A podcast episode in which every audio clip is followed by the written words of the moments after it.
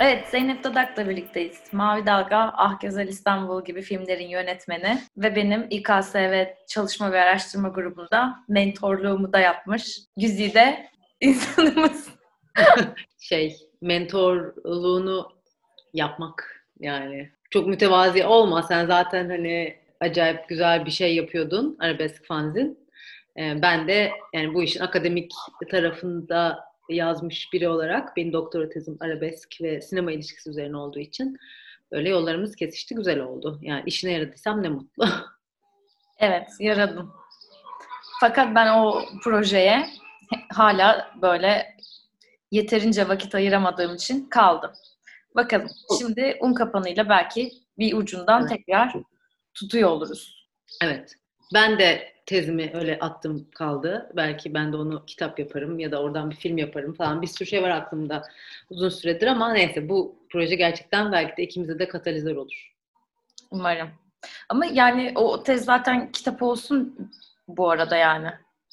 İnşallah. Çünkü mesela İMÇ'yi konuşacağız. İMÇ üzerinden İstanbul Manifaturacılar Çarşısı, aslında Plakçılar Çarşısı 5. ve 6. blok.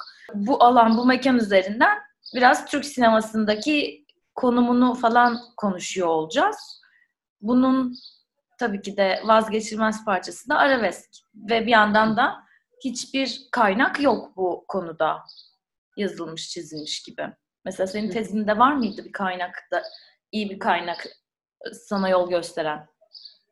Ee, özellikle un kapanı üzerine çok fazla yani un kapanı üzerine çalışmalar var tabii ki ama yani senin de bu projede zaten işte çok daha geniş bir hani kültürel alana bakman gibi. İşte daha geniş bir perspektiften e, Unkapan'ın tarihine ve Unkapan'ın kültür tarihi ilişkisine bakan metinler vardı. Yani mesela daha çok müzik çalışan Naim Dilbener gibi, Murat Meriç gibi yani akademi dışı da bu meseleyi araştıran e, yazarların metinlerinde geçiyor tabii hani arabesk ilişkisi ve e, un kapanı mekansal olarak. Ama hani onlar dediğim gibi daha çok müzik perspektifinden yaklaşan şeyler.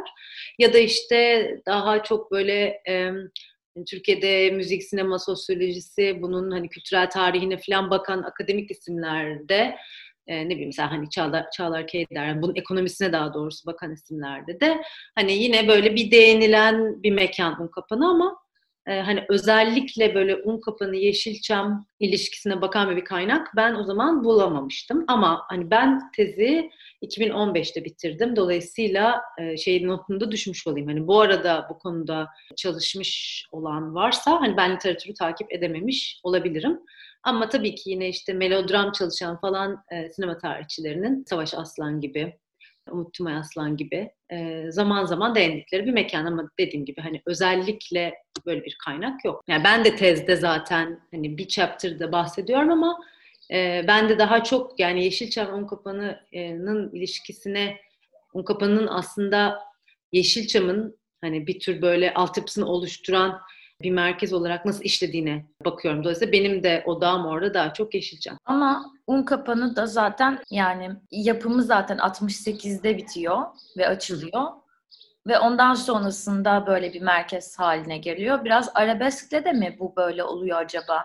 Yani arabesk müzik kültürüyle falan. Ee, evet tabii orada bir bir yani eş zamanlılık var. Biraz hani şeyi bilmek zor. Ne e, hangisi hangisine yani neden doğuyor. Ama yani biraz böyle o dönemin azıcık şeyine hani şehir tarihine de yani daha sosyolojik perspektiften de baktığımızda sonuç olarak hani 70'lerin başı 60'ların sonu 70'lerin başı e, yani İstanbul'un Anadolu'dan en çok göç aldığı daha öncesinde de var tabii ama hani yıllar. Hı hı. O anlamda zaten hani bugün resmi olarak bilinen işte hani ilk e, arabesk müzikli film diyelim. Yani 71 Bir Teselli Ver Orhan Gencebay'ın Mutfak Kadın çektiği. Hı hı. Dolayısıyla da işte ben tezde de hep bu yani arabesk ve mekansal ilişkilere bakarken şehir meselesine tabii en çok bakmak durumunda buldum kendimi. Çünkü arabesk aslında bir İstanbul seni yeneceğim anlatısı üzerine e, kurulu. Yani İstanbul'a kim geliyor, İstanbul'u kim ele geçirecek, İstanbul'da kim hayatta kalabilecek gibi bir şey. Yani bu Yeşilçam'ın da zaten hani daha öncesinde de işleyen hani ana hatlarından biri diyelim ama arabeskte tabii çok görünür hale geliyor. İşte Ezik Anadolu'nun İstanbul'da hayatta kalma mücadelesi. Dolayısıyla da hani Unkapanı'nın kendisini bir tür e, hani bunun böyle metaforu gibi düşünmek mümkün. E, hani Unkapanı'nı fetheden İstanbul'u fetheder. Dolayısıyla Türkiye'yi fetheder. Başka ülkelerde de böyle bir şey var mı? Yani şehri yenmeye çalışmak vesaire. Çok garip de geliyor. Biraz böyle kompleksli bir tavır da sanki. Ama yani işte biraz böyle o çevre merkez tabii dinamiği hep var yani. Hani aklıma ilk gelen filmlerden bir tanesi mesela Midnight Cowboy gibi bir film. Yani New York'a gelip hani Amerikan taşrasından gerçekten yani bilmiyorum film izledim mi? Müthiş evet. bir filmdir. Yani mesela Midnight Cowboy'u düşün. Yani aslında o da benzer dertlerle. Yani oradaki böyle Times Square'ı gördükleri andaki hal ve işte kim hayatta kalıyor, burada kim hayatta kalamıyor e, durumu biraz o hani taşra şehirle karşılaşıyor Hı-hı. meselesi aslında hani pek çok Don başka gibi dönem. ama literally İstanbul'a böyle bir savaş açılmış gibi. Yani çok ilginç. Bilmiyorum. Evet. Şu an tabii deyince bu arada böyle evet. çok enteresan da gelmeye başladı bu. Yani burada yani burada gerçekten kelime anlamıyla mesela Orhan Gencebay'ın pek çok filminde e, görürüz e, ya böyle bir tepeye çıkar ve yani İstanbul'la konuşur yani İstanbul hani seni yeneceğim falan hani böyle o kadar artık şeydir yani İstanbul böyle bir e, her şeyin sembolüdür. Yani o toplumsal olan hani onun işte içinden geçmek zorunda kaldığı e, her şey İstanbul'dur yani. Dolayısıyla da tabii bu şey meselesini mekanların kültür tarihinin e, ve onların işleme biçimlerinin metaforu olma meselesi zaten un kapanığıyla değil belki Cağaloğlu'yla ve Yeşilçam'la da çok ilişkili bir şey. Mesela bizim hani gazetecilik, sinema ve müzik tarihimizin aslında İstanbul'un semtleriyle özdeşleşmiş olması. Bunları yine yalnızca birer hani metafor olmaktan da çıkarıyor. Yani gerçek mekanlar zaten hani üretim mekanları ee, dediğim gibi bir tür sembol pek çok şey için ama bir yandan da hani bu üç mekan da bir e, kendi ekosistemi olan mekanlar. Yani hakikaten hani işte Yeşilçam dediğimizde bugün bir tür film yapma biçimi aklımıza geliyor. Ya da Unkapanı dediğimizde aslında işte aklımıza aslında pek çok başka janrada geliyor ama özellikle arabesk e, geliyor. Çünkü o böyle Anadolu'dan geldim ve kısa sürede şöhret olabilirim şey diyelim hayalinin e, bir tür üretim biçimine neredeyse dönüştüğü bir mekan yani Unkapanı. Sinemada bu ilk defa bir teselli verle mi başlıyor ve mesela un kapanı özelinde buradan köşeyi döneceğiz. İşte o Muhsin Bey e, işte ya da neredesin Firuze anlatısı nerelerde var? Evet. Yani belki biraz farklı dönemlerine de o anlamda bakmak lazım. Mesela hani üç filme gerçekten, üç filme bakmayalım da biraz böyle dönemsel bakalım. Üç belki ayrı hani e, film yapma biçimine de bakalım dolayısıyla. Mesela bir tanesi bir teselli verle işleyen hat, e, ilerleyen hat. E, o hattın herhalde en böyle ete kemiğe büründüğü zaman Ferdi Tayfur'un sahneye çıktığı zaman yani 75 e, civarı mesela Çeşme'yi yapıyor. Yani un kapanına gidip hani plakçılar çarşısında konuştuysan e, oradaki hani hala var olan plakçılarla mesela hala dün gibi anlatırlar yani insanların Adana'dan kamyonlarla hani Ferdi Tayfur'u görmeye gelmesi ve böyle inanılmaz bir hani filmin şey gibi böyle bir hani meta anlatı resmen hani filmde böyle yine bir kamyon arkasında İstanbul'a gelen e, Ferdi Tayfur nereye gidiyorsun? İstanbul'a. Hani yine aslında un kapanına falan demek o. Ve arkasından böyle onu görmek için gelen aslında onun gibi olmak isteyen, onunla özdeşleşen yüzlerce insanın fiziksel olarak hani un kapanına, gel, un kapanına geldiği bir dönem. E tabi bunun sahnesi Yeşilçam.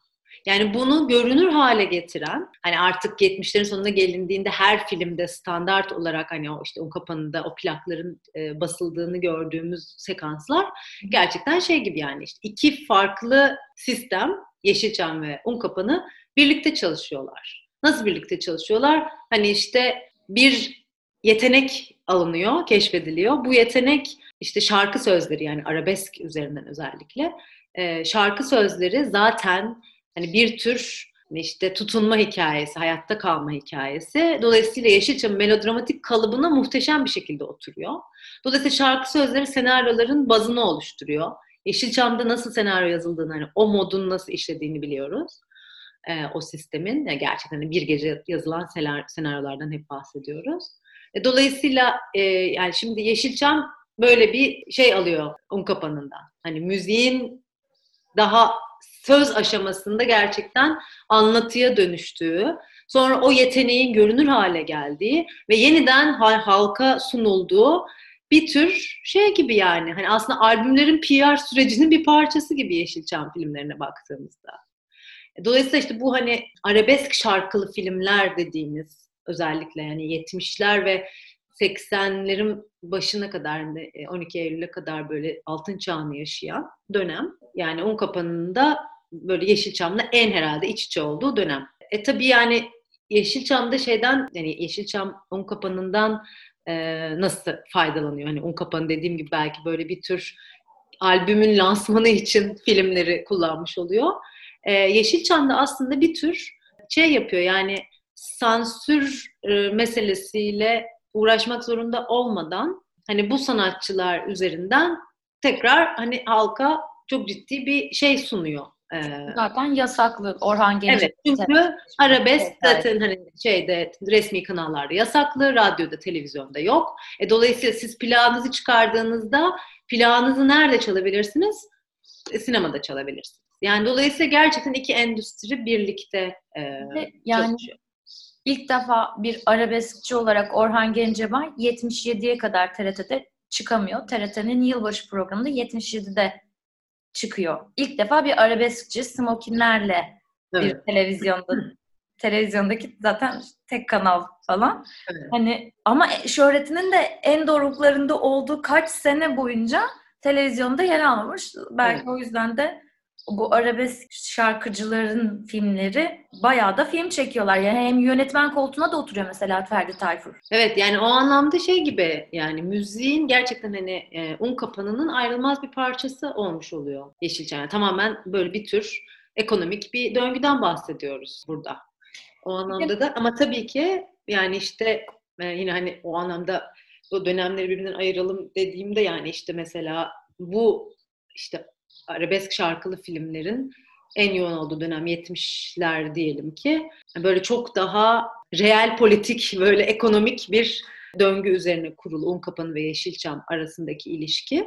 Yani gerçekten işte arabeskin e, devlet tarafından yasaklı olmasının bir tür Un Kapanı Yeşilçam arasında ekonomik bağ ve buradan hani kültürel başka bir oluşuma sebep olması kadar gerçek e, elle tutulur bir ilişkiden bahsediyoruz. Yani boşu boşuna İstanbul'u yenmeye çalışıyorlar. Oysa ki bir Ankara'yı yenseler her şey daha kolay olacakmış gibi geldi bana şu an. Ama işte sonuçta bu şey yani İstanbul zaten hani başından bugün hala yani e, bir şekilde film endüstrisinin başkenti yani Türkiye'de. Yani dolayı evet o anlamda bildiğimiz anlamda Yeşilçam yok artık ama e, hani yine de hani müzik içinde e, film içinde e, Ankara'ya daha az gidiliyor. Yani yine Ankara'dan mesela harika müzisyenler çıkıyor ama işte hani sonuçta evet. İstanbul'a geliyorlar plaklarını yapmak plak artık hani sembolik olarak kullanıyoruz herhalde de. Dolayısıyla hani senin şeyine dönersen belki hani Muhsin Bey'e e, senin soruna dönersen Muhsin Bey'e baktığımızda Muhsin Bey bir dönemin bitişini aslında işaret eden bir film. Yani Un Kapanı 80'lerde çok aktif ama Yeşilçam un kapanı ilişkisi zayıflıyor. Hı hı. Çünkü yani Yeşilçam bir şekilde zaten 80 sonrasının biraz şeyiyle e, hani düşüşe geçiyor. E, yani genel e, etkileriyle ve dolayısıyla da e, hani böyle 80'lerin sonuna geldiğimizde de e, hani arabesk gibi Muhsin Bey gibi filmler artık hani arabeskin kendisini sorunsallaştıran, birazcık o ilişkinin kendisine bakan, hani işte bir gecede şöhret olma hayalinin kendisini problematize eden, e, işte Ali Nazik gibi bir karakterle mesela. E, hatta böyle neredeyse yani bugün hala hepimiz ilişki kurabildiği, biraz yakından da bakınca böyle bir azıcık şeyi tadı fazla kaçmış bir nostalji böyle şeyi sunan bize, tabağa sunan e, hani filmler. Ama sonuçta biliyoruz ki işte Ali Nazik, İbrahim Tatlıses'in aslında bir evet. e, Zaten yorumlu. İbrahim Tatlıses'in adı da geçiyor. Hani İbo gibi geçiyor. falan filan gibi. Evet. Karakterin de kendisi İbrahim Tatlıses'e öykündüğünü zaten söylüyor. Söyle. Evet. evet. Ki yani en sonunda böyle işte bağrı açık gömleğiyle şeyde gazinoda hani başından güller dökülürken falan iyice artık hani böyle şey karaktere giriyor yani. Evet. Ee, o anlamda bizim filmdeki karakterimiz de karaktere giriyor. O açıdan yani dediğim gibi biraz böyle o dönemin e, altın çağın diyeyim sonunu biraz bize e, gösteren o anlamda da hani şeyden farklı yani işte gerçekten 70'lerin e, üretim ilişkilerinin oldukça farklı bir film Muhsin Bey. E, neredesin Firuze'ye gelirsek hani işte 2000'lerin başına geldiğimizde zaten plakçılar çarşısı artık oldukça köhne bir yere dönüşmüş. Hani artık plakçılar çarşısı da mesela 90'ların ortasına kadar çok aktif hala müzik üretimi var. Hani o anda Yeşilçam'la yolları ayrılıyor gerçekten. Ee, Yeşilçam çok daha önce e, çöküyor bildiğimiz anlamıyla. Hani 88 sonrası Yeşilçam yani 95'e kadar neredeyse bir şey yok yani sinemada. Çok tekil örnekler var daha doğrusu. Endüstrinin kendisi çöküyor. Oysa un kapanında yani 95'e kadar falan çok ciddi hatta 2000'lere kadar hala işte şey müzik üretimi var. Ama hani onun da böyle sonu gözüküyor bir yandan da. İMF'nin de zaten sonu dijital evet. geçince artık müzik indirmek, internet başladığında IMC'nin de artık sonu gözüküyor gibi. Evet, evet. E, dolayısıyla da Neredesin Firuze de tabii o anlamda yani çok sevdiğim bir filmdir. Çok e, çok ilginç bir film bence. Çünkü hem yani o dönemin hala devam eden müzik üretimine işaret ediyor. Gerçeklikteki yani. E, hani o dönemin e, şarkıcılarını görüyoruz e, sahne alırken. Hem de yani Unkapa'nın kendisi bir tür hayal mekanına dönüşmüş. Artık hani bir bir nostaljik mekan bile değil. Artık olmayan bir mekan gibi. Yani o anlamda böyle üçüne bakarsak şeye yani bir teselliverden, çeşmeden, Muhsin Bey, Muhsin Bey'den neredesin Firuze'ye. Yani gerçekten böyle bir hani bir üretim makinesinden, bir fabrikadan, gerçek bir mekandan e, bir nostalji mekanına, bir nostalji mekanından e, hani bir tür hayal mekanına böyle şey gibi yani bütün o hattı takip etmek mümkün e, sanki.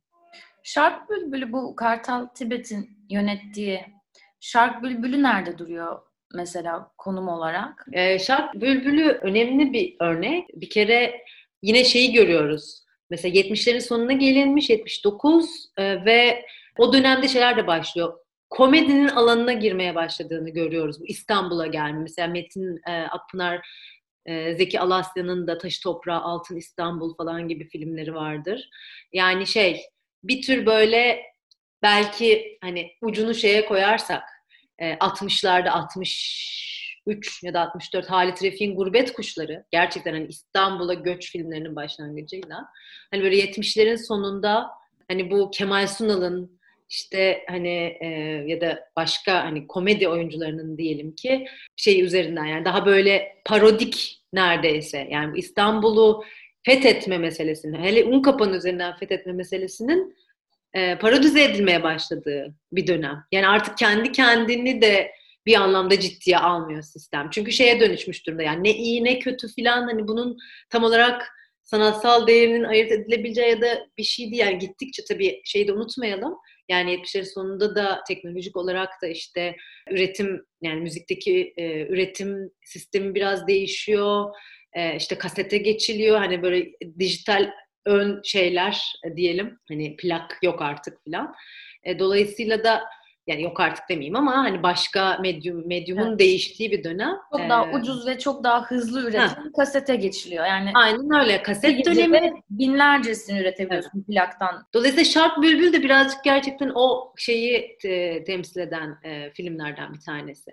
Yani gideceğim İstanbul'a işte plan yapacağım, zengin olacağım ve hani ve işte e, hani bu fakirlikten ve eziklikten kurtulacağım. Ama dediğim gibi aslında yani Şark Bülbülü gibi bir filmi öncüllerini diyeyim yani Muhsin Ertuğrul'un e, 1930'larda yaptığı İstanbul sokaklarında filmine bile yaslayabiliriz yani.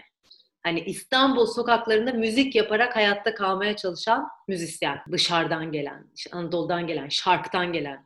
Orada da galiba Beyrut'tan mı geliyordu bir yerden hani doğudan gelen diyelim. Yani dolayısıyla Yeşilçam'ın üzerine kurulu olduğu bütün hani doğu batı çatışması, modernleşme, gelenek çatışması falan böyle bunların şey gibi yani un kapanı. Hani böyle o, hepsinin içinde barındıran bir kutucuk gibi yani. Gece kondudan çıkmaya çalışan o şehrin kenarına atılmış herkesin sonra aristokrasiyi temsil ettiği viski ve lahmacun böyle o epik anlatısına dahil olduğu dünyaya giriyorlar.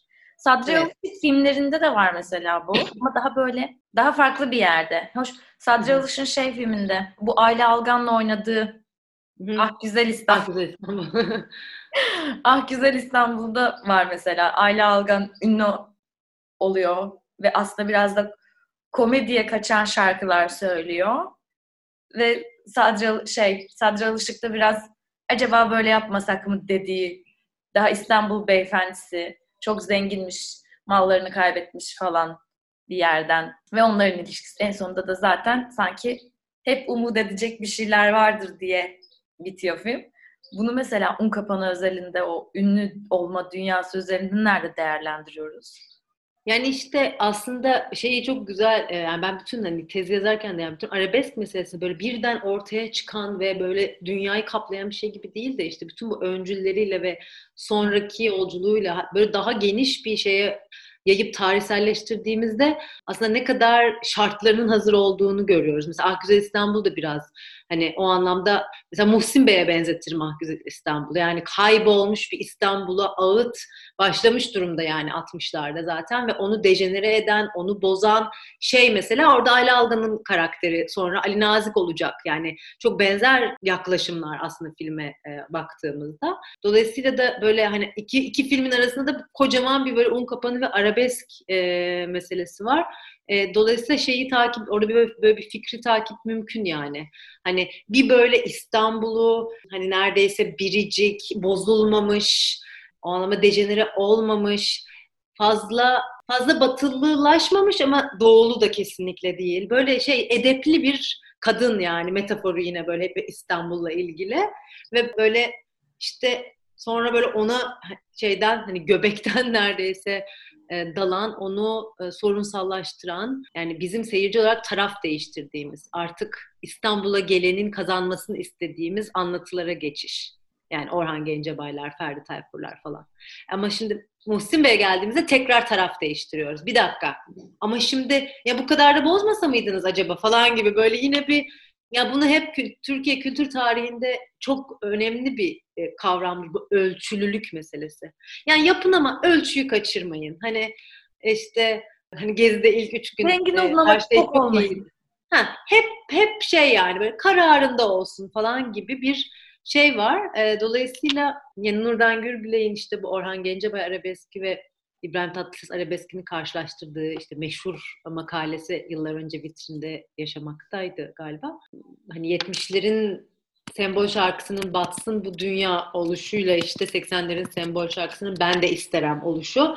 Aslında biraz yani bütün arabesk üretiminin de işte nasıl değiştiğini orada bile yani hani böyle bir kabul edilebilir arabeskle hani arabesk elitiyle hani ucuz ve işte basitleşmiş arabesk arasında sanki yani orada bile bir hiyerarşi kurulmuş kültürel e, alanda gibi bir şey e, görüyoruz gerçekten. Yani tam da mesela Muhsin Bey bu ilişki üzerine bir film.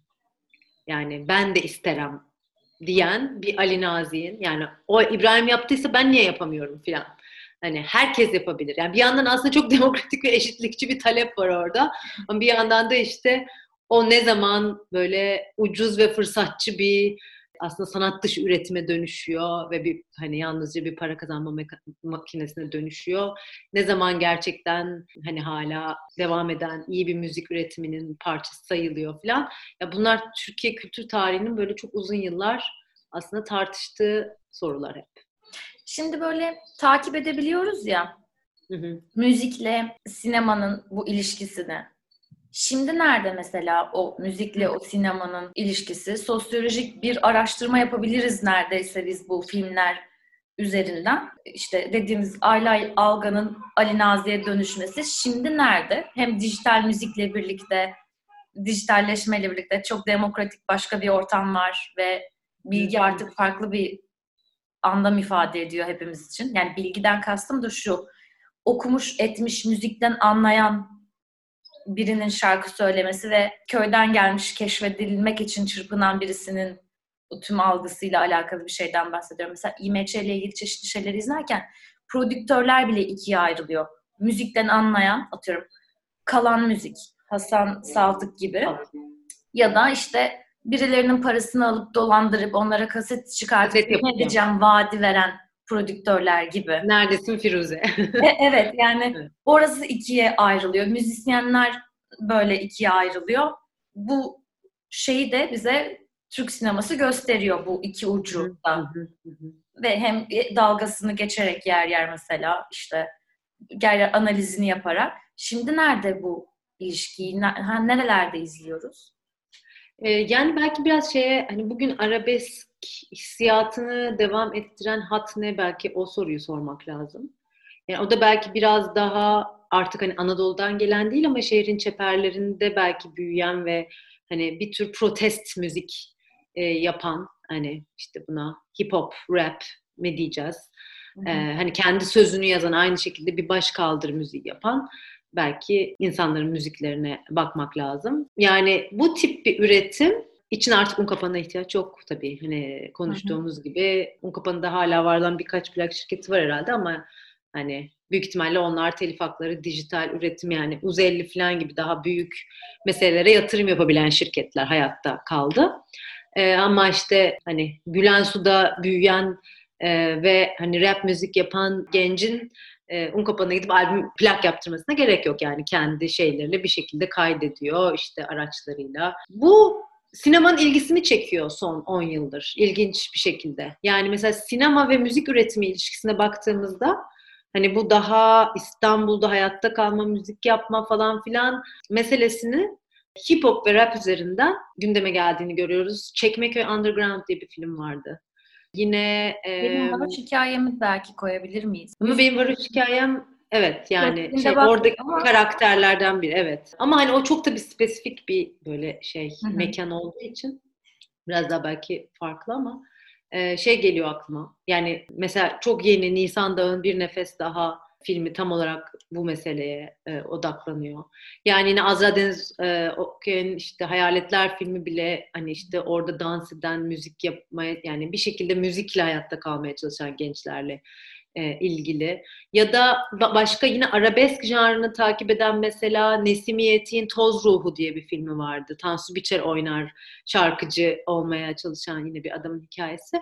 Dolayısıyla hani tematik olarak bu İslam'da hayatta kalmaya çalışan ve baş kaldıran hani hani fakirlikten gelen, hani sınıfsal bir ezilmişlikten gelen, çoğunlukla uyuşturucu batağında kaybolan ama buna rağmen hani bundan çıkmanın bir yolu olarak müziği takip eden gençler teması sinemada yeni kuşak sinemacıların ilgisini çeken bir şey. Yani son 10 yılda pek çok başka belki şimdi aklıma gelmeyen de isim sayabiliriz aslında.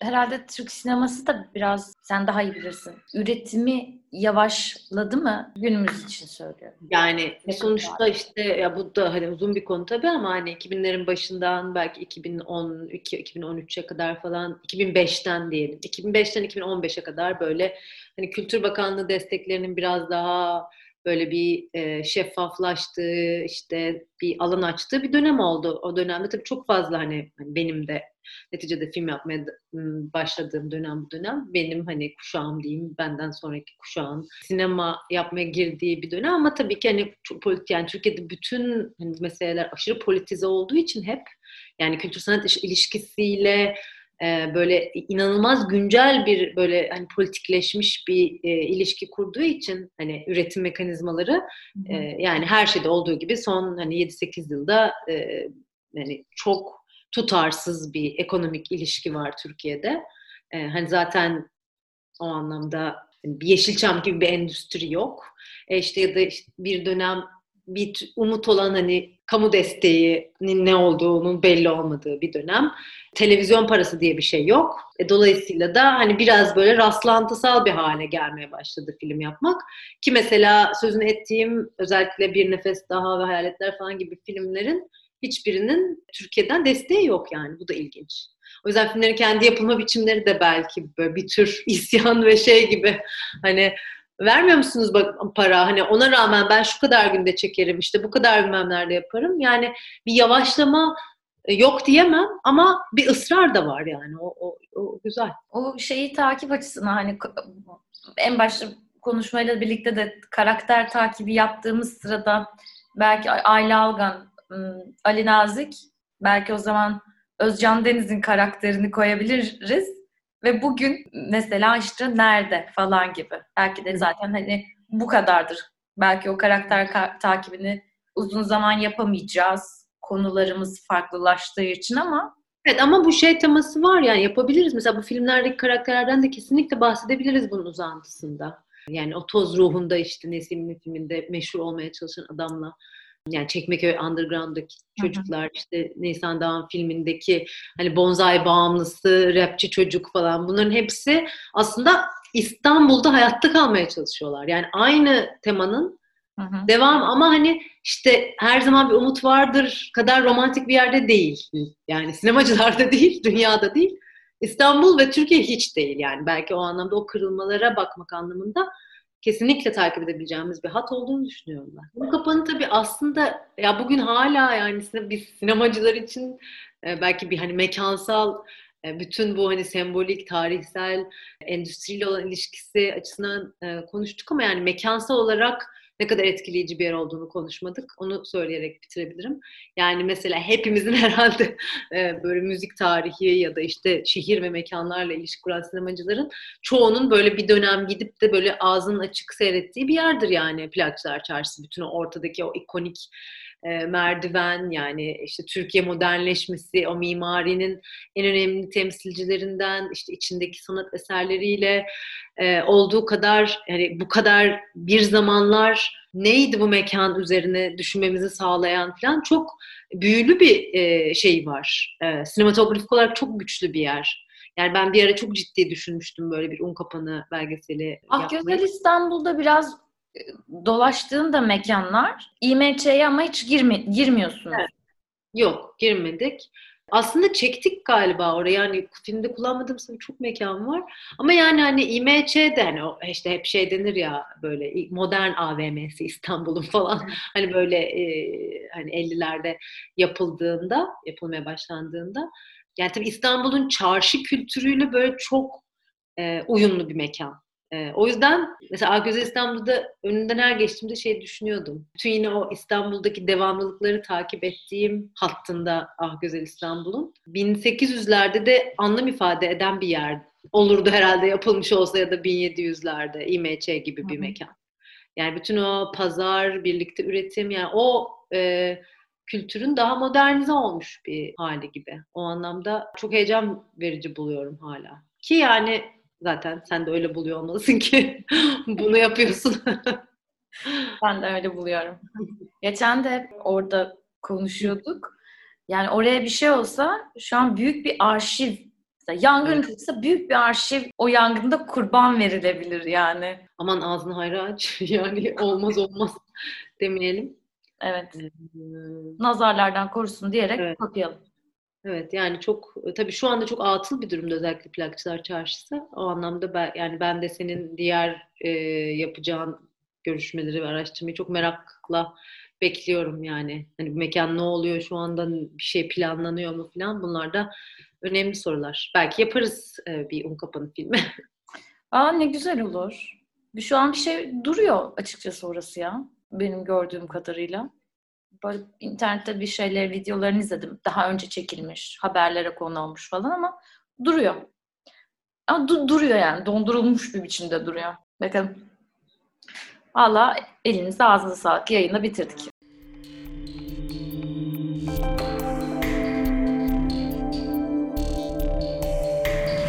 Fugamundi sundu.